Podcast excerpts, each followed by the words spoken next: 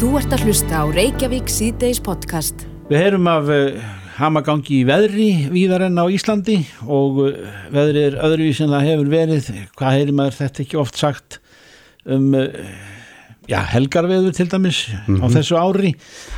En á Spáni hafa borist fréttir að þaðan að, úr Íslendingaböðum kann ekki að segja frá því ná, nákvæmlega hvaðan hafa borist fréttir um það að þar hafi flóð og farviðri farið ítla með eigur okkar fólks sem að þar býr eða og reyndar annara þjóða fólk sem að hefur þar búsettu heilsás búsettu og, og því kemur það vel við sögu hér hjá okkur að hafa verið í sambandi við Sigurþótt Ragnarsson veður fræðing með meiru og, og, og kunnan spánar dvalarmann og, og, og þú. Sæll og bless, þú býr þarna þá? Ég bý, já, ég bý ekki hérna en, en ég, ég er nú ennþá að að reyna að hafa svart í grautin þannig að maður það nú alltaf að vera á, á, á land og á til. Na, og, og, og nei það er þannig að ég þurfti að, að skræða út og, meðal annars að skoða hvernig þetta er umhorfs eftir þessar miklu rigningar sem að gengur hér yfir. Þetta um að ræða stuttum áli mjög myndalega vassmikla lægð sem að sem er svona sem fylgdi mikið uppstreymi sem þýtti það að hafa mikið um eldingar og, og, og, og himnarnir loguðu nánast á sekundum millibili Mm. og uh, losaði alveg gríðarlegt magn vass og uh, það fór jú auðvitað því miður svo að, að hér varð töluvert mikið tjón og, og þá er ég ekki bara að tala um tjón og eigum fólks, heldur ekki síður bara uh, stóðir uh, samfélagsins eins og vegir og byggir og og, og, og fleira sem að, sem að flættu yfir bakkars með sér e, það, sem fyrir var. hva, hva, hvað er er þetta nána, nánast uh, sko, eða hvar á spán er þetta? Sko, flestir og margir þekkja svæði sem heitir Torri Já, og það er um 40 km söður af Alicante og uh, það er alltaf flugutur þar.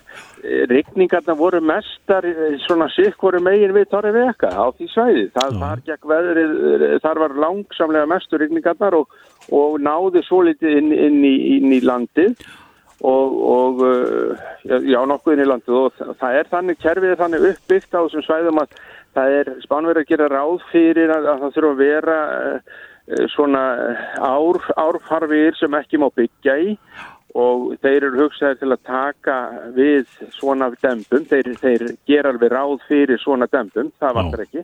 Já. og, og það var einmitt þannig líka eh, núna þannig að, að, að það voru parfið sem tóku við mestmæknis af öllu vatninu.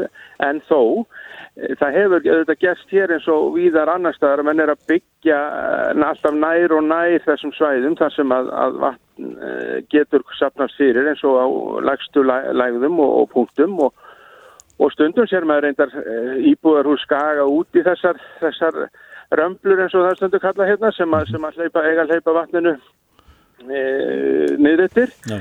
en e, það sem gerist bótar það er óþarna sem er nýjast búra sem er nær fr- byrjar aðeins hérna inn í landi í Múrsja og ber þaðan til sveitafélagsins sem heitir Óriuela eða Svæðis og, og hún er búin að vera náttúrulega vandamál. Hún flætti yfir sin og miklu meira það fór dansi illa í kristna. Já. En, en, En- en, ef við horfum, já, En e, nú er, eru margir Íslandingar búsettir á þessu svæði. Hva, hvað, hvað eru þeir margir? Þó þeir hafi kannski ekki orði fyrir egna missi eða, eða eh, þannig en að, að, að, hins vegar orði varir við þessi ósköpöll eru menn treyðir já, það er almenna reglan, sko. Þetta eru, um, þetta eru svona 4-5.000 mann sem sem Íslandingar sem að hér hafa, völ með einhverjum hætti. Og uh, það er þannig að uh, megnið af þeim er ekki með lögheimil hér en, en það breytir ekki því að ef þú kaupir þið fastegn þá, þá er náttúrulega skildu trygging eins og, eins og heima, brunatrygging og annars slikt, svo geta menn keft sér meiri tryggingar, innbústryggingar og, og það er auðvitað einhverjum, einhverjum tilvikum þannig að menn er ekki með næjanlega tryggingar til að taka á, á öllu þegar svona verður en það má þó segja að, að þær íslýtingar sem ég hef verið að ræða við og, og, og sett mig í samband við og bara eh, til þess að heyra svona hvernig þetta gekk og, og þá hefur, hefur þetta sloppið ótrúlega vel í Torrevekka þó að það hafi ekki sloppið en það slopp ótrúlega vel. Og, svæðin hér í kring að það hefur ekki alvarlega tilbyggum en þó svona sem dæmi að þá eru, eru dæmi um að það hefur það vall bara vatn upp úr klósetunum og vatn upp úr, úr hangdögum og, og sem að auðvitað átli gríðarlega miklu tjóni já, inna inni. Mm -hmm. en svo er það þannig að menn áttast ekki kannski alltaf á því að á, Ísla, á, á, á spáni þá, á þessu svæði þá er ekki niðurfall á götun af því að spánverðin vil fá vatnið út í jarðin þetta er ekki svo oft sem rignir og þegar það rignir þá vilja það reyna að fá svona eins og áveitu út, út í jarðin til til að við halda gróður og, og, og allt líð þarf vatn sko. Og þessi, þessi sko það að hafa ekki niðurföll þegar svona gríðalegt vassviður verður það gerir það verkum að það myndast gríðalegu ströymur þannig að að hér voru götur eins og bara eins og var orðnar malavegir sko því að Já. það var hreitt hrifsa úr börðum og, og utan og vegum og vegkantum vegir sigu, vegir uh, gróf inn í vegina þannig að þeir voru hættulegir að vera við jæðurinn á þeim eða, eða svona út í kantinu og, og þetta er allt verið að bara byrja að vinna í núna. Og, og, og mikil vinna, alveg gríðarleg vinna framöndan í tví, en, en ískætingarnir sluppu að því er best veit Já. ótrúlega vel, ótrúlega vel. Sigur Þóttur Ragnarsson, alltaf gaman að heyri þér. Þú fylgist náttúrulega með veðrin á Íslandi líka, er það ekki? Jú, jú. Sem er öðruvís í dag en það væri gær. Og, er, og er náttúrulega, já, og hefur náttúrulega atvinna af þessu og verið veri veðruna. En, en jú, sko, en hins vegar megum enn passa sig, sko, nú er náttúrulega, við veitum hvernig sömur heima var, þetta var náttúrulega þurka sömar á söður og vesturlandi, síðan knýst þetta núna við, nú er þetta gríðilegt vassveður sem búið er að vera. Ég var samt við að, að mennsi að leggja og draga miklar álíktanir í þessa verðunni í sambandi við einhverja hamfara hlínun og og, og lofstafsbreytingar að þær séu skýringin á því að það regnir duglega. Það getur verið alveg gerst og getur alveg verið. Þetta þarf að vera hafið yfir svona skinsamlega fræðilegan vafa að menn sé ekki að tengja allt orðið við, við ofsa hlínun og, og, og svo framins en auðvitað er þetta alvarlegir atbyrður og hafa eiga sína skýringar en, en mér finnst orðið svolítið örla svolítið á því að menn með ekki orðið hafa skoðanir og menn með ekki, það er verið á vondum stað ef menn með ekki orðið Eh, reyfa eh, efasemtir þegar að það eru vissulega fyrir hendi. Það er ekkit örugt í þessu sko. Nei. Það er bara þannig. Kærar þakki fyrir spjallið Sigurður og já, við meðtar að leita tíðin aftur hvort sem það er á Íslandi eða Spáni. Já, já, það er gott að heyra, það er gott og, og gaman að heyra ykkur. Takk, verður bless. Takk, já, já, bless. Þú ert að hlusta á Reykjavík C-Days podcast. Miljónir ungmenna Eh, um heim, allan heim eru að hafa sér frammi og segja sínar skoðun og lýsa sínum áhugjum yfir ástandi á móðir náttúru mm -hmm. á mhm. jörðinni og, eh, og við höfum ekki farið að hluta því eh, það hafa verið ungmenn hafa haft sér frammi á Ísturvelli í dag mm -hmm. og það er náttúrulega hlínun sem að sem að veldur þessum, þessari bylgu og svo þessi unga sænska stúlka sem að hefur tekið að sér eh, það hlutverk í heiminum að vera svona forgungu manneska fyrir, fyrir þessu og, og, og komið þessu vel til skila í það minsta meðal jafnaldra sinna. Guðmundur Ingi Guðbrandsson er umhverfis á þeirra e, þetta er orðið bísna viðfemt eh, hjá ungmennum Já, þetta er alveg stórkastlega bylgja sem á sér staða núna bara út um allan heim. Mm.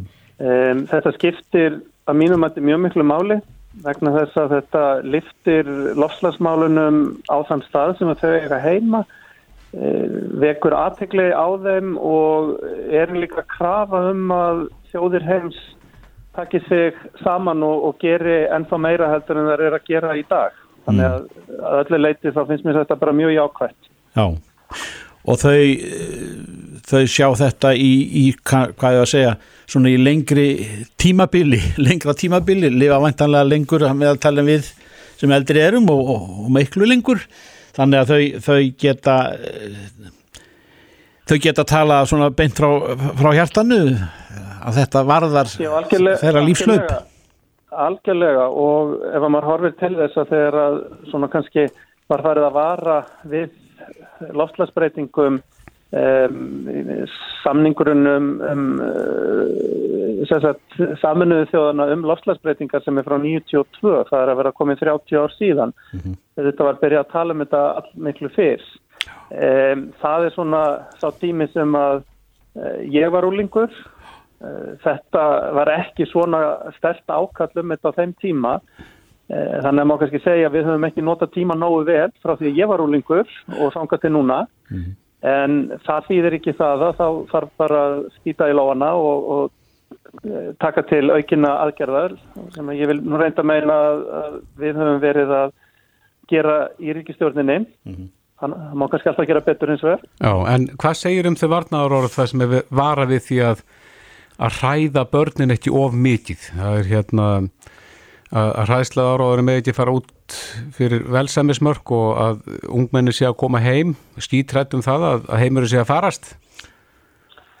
Já, sko, í fyrsta lagi þá myndi ég aldrei flokka þetta sem hræðslu áraður mér finnst það kollrámt að flokka þetta þannig. Það er verið að ræða um það sem að vísindin er að sína okkur fram á. Mm -hmm. Um, hins vegar En er ekki rétt að hlýfa þeim yngstu kannski við svona uh, hérna domstags spám? Já það sem að mér finnst í rauninni er að við þurfum að hafa þekkinguna upp á borðunum það er alltaf greiðilega mikilvægt til þess að við getum gert okkur betur grein fyrir því hvert verkefnið er til þess að ráðast í aðgerðir mm. og ég hens vegar tek alveg undir það algjörlega að um, það sem að við erum farin að tala um í dag og köllum loftlæskvíða er eitthvað sem maður þarf að vinna með í skólakerfinu. Um, það gerir maður helst með því að gefa fólki í fyrsta lagi von og í öðru lagi verkefni. Ó. Og vonin þarf að félast í því að það sé sam, alþjóðlega samstafa um að vinna að þessum málum, að það sé verið að gera eitthvað heimafyrir og að gera fólk að þáttakundum í verkefninu að snúa þessari óheila fróun við. Já, við höfum einmitt í fréttum í hátægisfréttum í dag orðið kvíði frá þeim sjálfum Já, uh, sem að er sem er nú kannski orð sem að er ekkit sjálflega aðlægandi þegar við erum að tala um uh, svona brotalamir í, í, í svona geðheilbreyðismálum, kvíð, kvíð og þunglindi, þannig að þetta er, þetta er vandrataður vegur, ekki sett en, en, en skólakerfi gæti þarna verið leipeinandi Já, ég held það alveg al algjörlega en, en ég menna stjórnvöld almennt líka. Og bara mm. þær aðgerri sem að við höfum verið að grýpa til eru náttúrulega eitthvað sem að sínir að það er reyning á málum um, á þess að ég fari að nefna sérstaklega hvað það er að þá finnst mér það mikilvægt sem svar við því ákalli sem að núna er í, í, í gangi mm. um, þá má heldur ekki gleyma því að uh, við, við höfum verið að setja auki fjármagn núna í fræðslu í skólunum í gegnum grænfánaverkefnið og gerum það með mentamálaráðanettinu.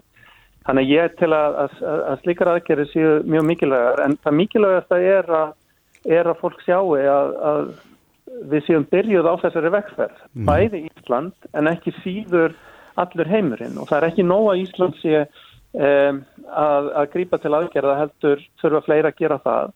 Og það er náttúrulega mjög mismunandi eftir ríkjum en mörg þeirra eru um, komin með bæði mjög góðar áallanir og eru, eru búin, búin, mörg ríkjur eru búin og eru að grípa til aðgerða. Já.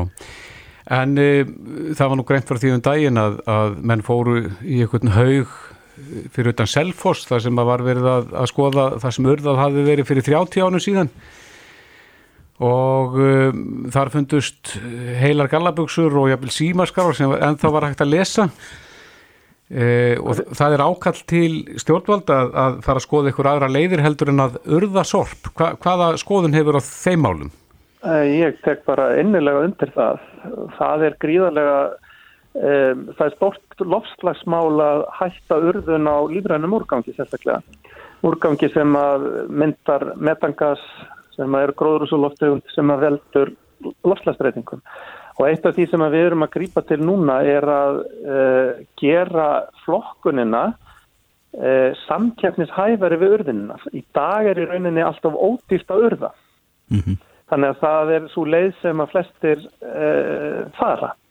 og með því að setja gjald á urðunina viljum við meina sem við erum að, með mál í þingjunu núna á fjármálar á þeirra að þar með verði flokkunin samkefnishæð og fleiri fari út í það, ekki, ekki síst fyrirtæki en líka heimilinn. En það er verið að senda núna eitthvað af þessu sorpi til Svíþjóður held ég í brennslu.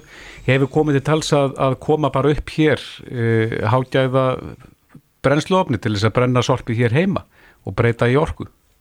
Já, slíkt hefur algjörlega komið til tals og ég hef nú hitt nokkra mismunandi aðila sem að hafa áhuga á svona verkefnum og það er eitt af því sem við ætlum að skoða núna í tengslum við um, nýja áætlun eða stefnu meðhanslun úrgangs.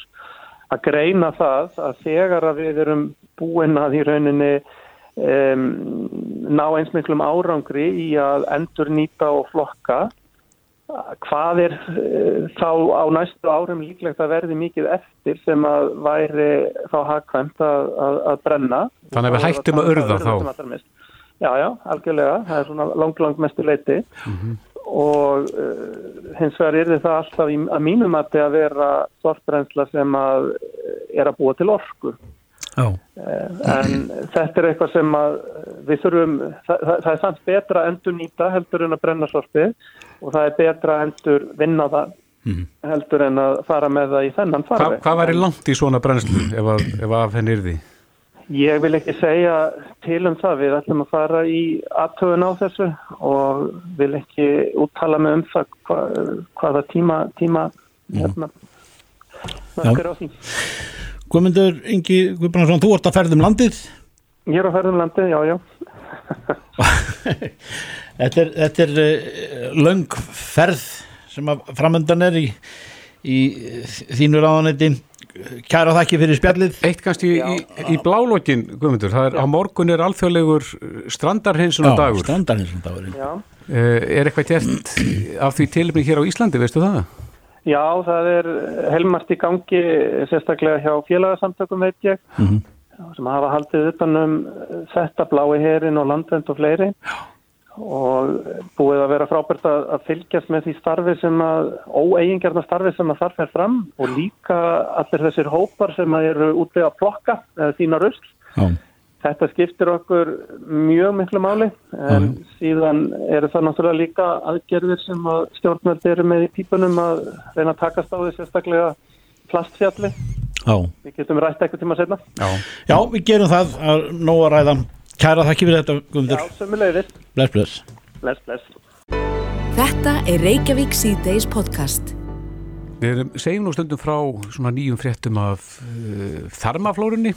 Úr helsugeran, já Já, þetta er kannski ekki mjög sexy, sexy orð en, en uh, þetta er gríðarlega mikilvægt og það er alltaf að koma meira og meira ljós hvað þarmaflóran og það sem að það er þrýfst er mikilvægt fyrir helsumanna mm -hmm. og við erum águmst að frétt hérna í en á fréttafið Popular Science það sem er sagt að því að að þarmaflóran hjá nýfættu börnum er mismunandi eftir því hvort að börni fæðast eftir eðlulegum leiðum þar að segja gegnum fæðninga veg, veg móður nú eða með hérna keisaraskurði. Mm -hmm. á línunni er manneskja sem að við tölum nú oft við þegar að kemur að þarmaflórunni. Birna G. Áspjústóttir, doktorsnum í heilbyrðisvísundum við Háskóla Íslands, kom til sæl. Sæl. Kom til sæl vel upp á þess. Já, þetta er alveg merkilegt að, að það stifti máli að sko hvora leiðina barni fer út úr já, móðurinni. Það, já, það verður skipta máli og rannsóknir eru að sína meira og meira um það.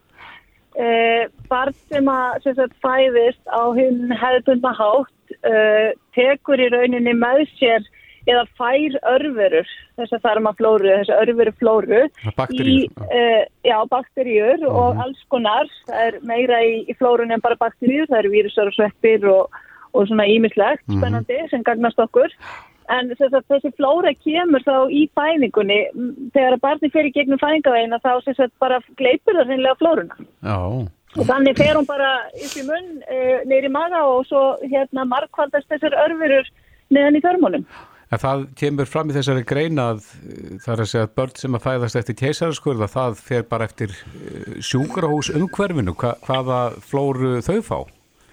Já, vegna þess að þeir fá að geta tækifæri að, að súpa á þessari örfuru flóri súpu og leiðinu út þannig að þegar þeim er kipt út bara í gegnum hviðinn og, og hérna það eru einhverjar mannshendur sem kom og taka barni þá í rauninni er barni að fá fyrst á sig flóru útvortis mm -hmm. og síðan í gegnum öndunafæri frekarinn í gegnum munn og flóran sem að barni tekur og færa á sig er þessar örverur sem eru bara í nánast umhverju þá helst og yfirleitt á skurðstofu. Og af því fólki sem er að, að, að hann fjalla barni Þannig að það stýrti þá og svo náttúrulega, svo náttúrulega leggsta er það vanlega lagt á líkama móður og tekur síðan brjóst og allt þetta og þá koma örverur frá móður. En mm. notabenni það eru aðrar örverur í fæðingavegi eða leggangum móður heldur en á húðmóður. Það er bara e, ólík flóra. Já, þannig að barni gæti kannski fengi þá örverur við fyrstu snertingu við ljósmóður eða, eða fæðingalækni, þannig að Já, það kemur svona kostil úr þessu umhverju. Já, það Já. kemur í kostil úr þessu umhverju. Ég heyrði nú einu svona skondna hérna Það er einn ein, ein, vinkona mín sem segir að batni líktist meira fæðingalegnin heldur en sér og kannski bara er eitthvað til í því. Fló, flóran hefur áhrif. En erum við eitthvað að tala um það hvort það sé hægt að bregðast við þessu? Þar að segja hægt að, að eh, komaði þannig fyrir að, að batni fái þessar bakteríur og örverur frá móðurinni á eitthvað nátt Já, það hafa verið gerðar einhver svona litlar tilrönir og ég veit ekki alveg hversu langt það er og hversu mikið þróa það er og hvort það verður meira eða verður uh, hérna stundad en það hefur verið þess að tekið strók úr leggungum móður uh, og hérna sett þá í munnbars mm -hmm. til þess að reyna að koma einhverju inn sem sagt frá móður. Uh, það veit ég hefur verið gert en sem sagt, um, já, ég en... veit ekki hversu langt það er komið og hvernig það verður. Næ. En, en þarf þetta endalega að vera slæmt? Það er að segja, hvort er betra?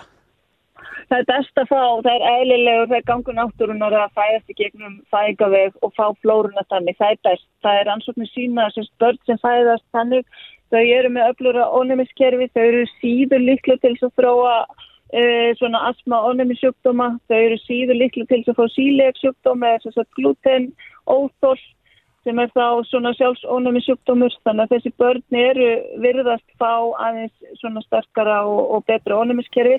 En það náttúrulega er ekki spara fæðingin, þetta hefur einhverju ásýrt en síðan eru margir aðri þættir sem skipta máli. Til dæmis kostabarn fer á síklarlið á fyrsta árinu eh, eða ég vil marga kúra. Í annan stað fer barn með brjóst eða færða formúlumjólk í þriðja lagi hvers konar fæði fær barni þegar það fyrir að fá fasta fæðu og svo framvegs mm -hmm. þannig að allir þessi þættir hafa áhrif og það má ekki gleyma því að við fæðumst bara einu sinni en við borðum 3-4 sinnum á dag uh, nánast alla æfina þegar við erum hægt á brjóstið eða tella, mm. þá fyrir við að borða fasta fæðu og það er auðvitað þau umhverjus áhrif sem hafa mest um okkar flóru að segja þrátt fyrir að fæðingin skiptir máli því að það er það sem við verðum að horfa á náttúrulega með fæðinguna eru þessi fyrstu dagar, vikur og mánuður eru rosalega kritiskur tími fyrir barnið en samt eins og ég segi það eru aðrið fættir sem að hafa áhrif og mun að hafa áhrif út æfina á þessa mhm. flóru mm -hmm.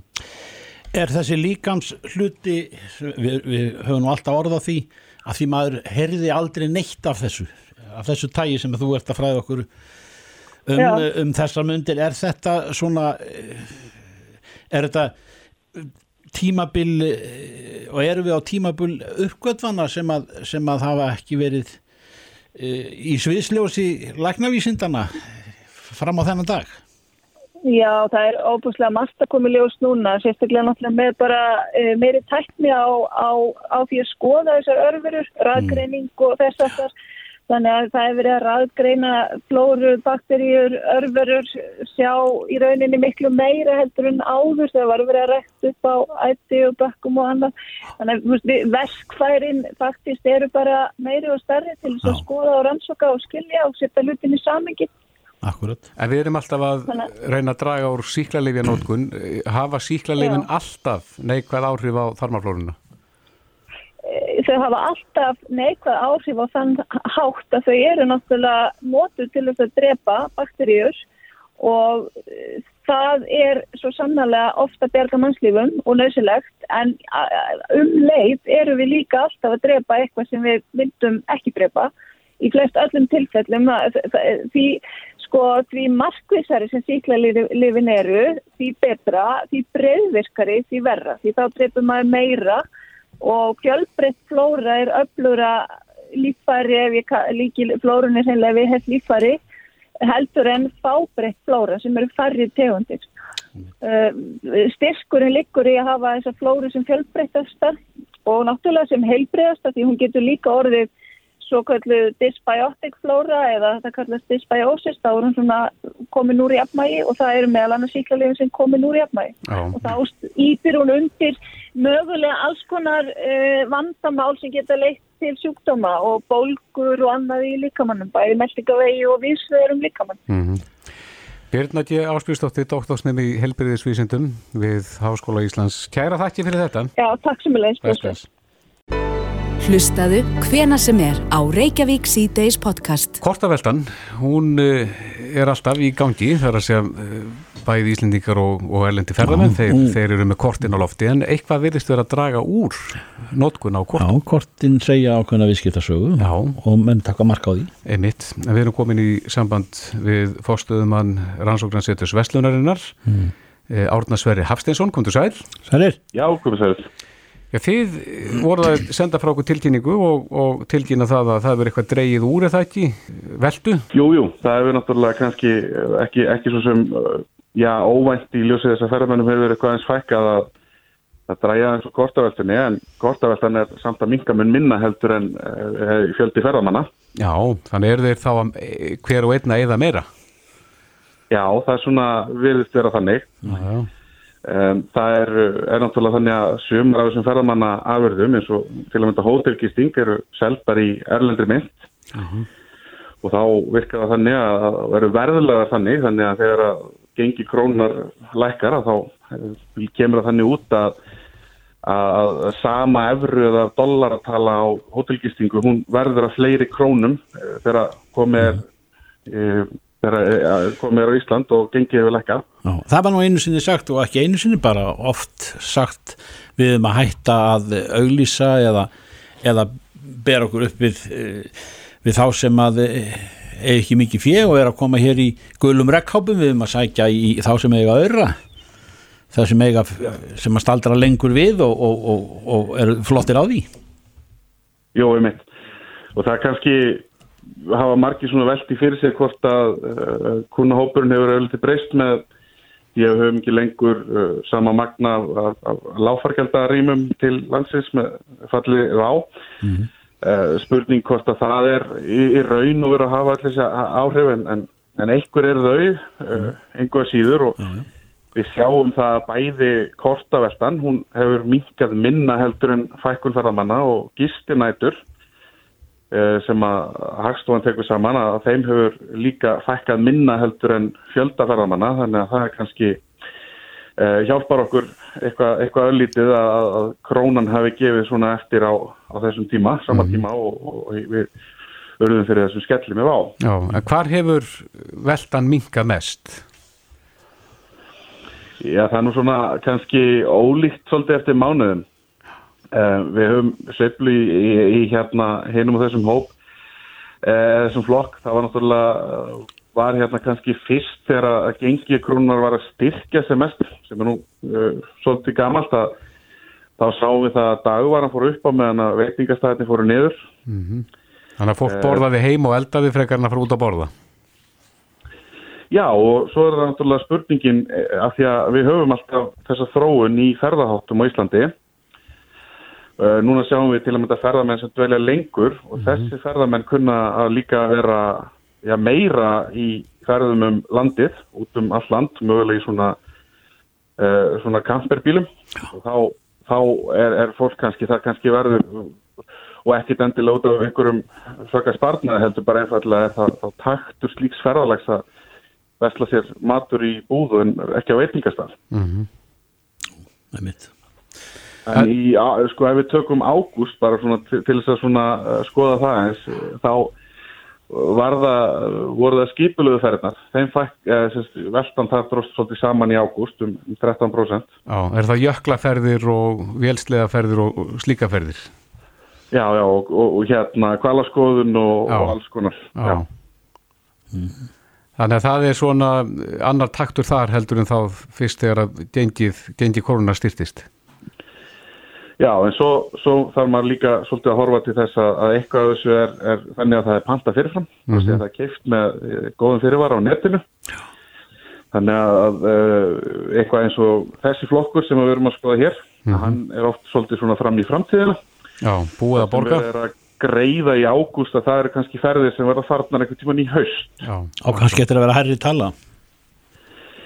Ég, það kannski, kannski myndi maður að segja að það, það yfirleitt er að þessi flokkur sem að kannski gefur ég gæti mögulega gefið hvað bestar uh, svona upplýsingar um hvað gerist á komandi mánuðum Já. en út frá þessum eina ágústmánu og, og kannski læri tullu þar er nú kannski ekki alveg hægt að gera sér upp neitt ofmikla satt síni. En uh, þóruð það að spá aðeins inn í framtíðina? Hvernig verður þróunin? Já það eins og kannski við sáum að, að þá verðist verist að hanga svolítið á krónunni hvernig eh, veltan er mm -hmm. uh, við höfum allavega þessa já, þessi kannski takmarku teiknum það að uh, þegar að krónan er sterkari að þá spara ferðavanga meira og þeir kvarta meir undan, undan verðlæginu á Íslandi mm -hmm. en það verður þá allt dýrar við þeirra gældmili þannig að ég myndi kannski segja að það verður nú erfitt að spá annað en að segja kannski það að krónan hefur tölver áhrif á og ferðarhegðun og, og uh, svona hvað ferðarmerðinu tilbúin að eigða sérstaklega í vestlum sem að hefur nú verið bara sem dæmi um flokk sem hefur kannski gengið skár með, með lágagenginu heldur en með háagenginu. Já, akkurat. Já, það verður tímin að leiði ljós hvernig síðan rætist úr þessu en uh, Árni Sverrir Hafstinsson, fórstuðumadur rannsóknarsettu Sverlunarinnar. Kæra þakki fyrir spjallið. Takk fyrir mig. Þetta er Reykjavík C-Days podcast.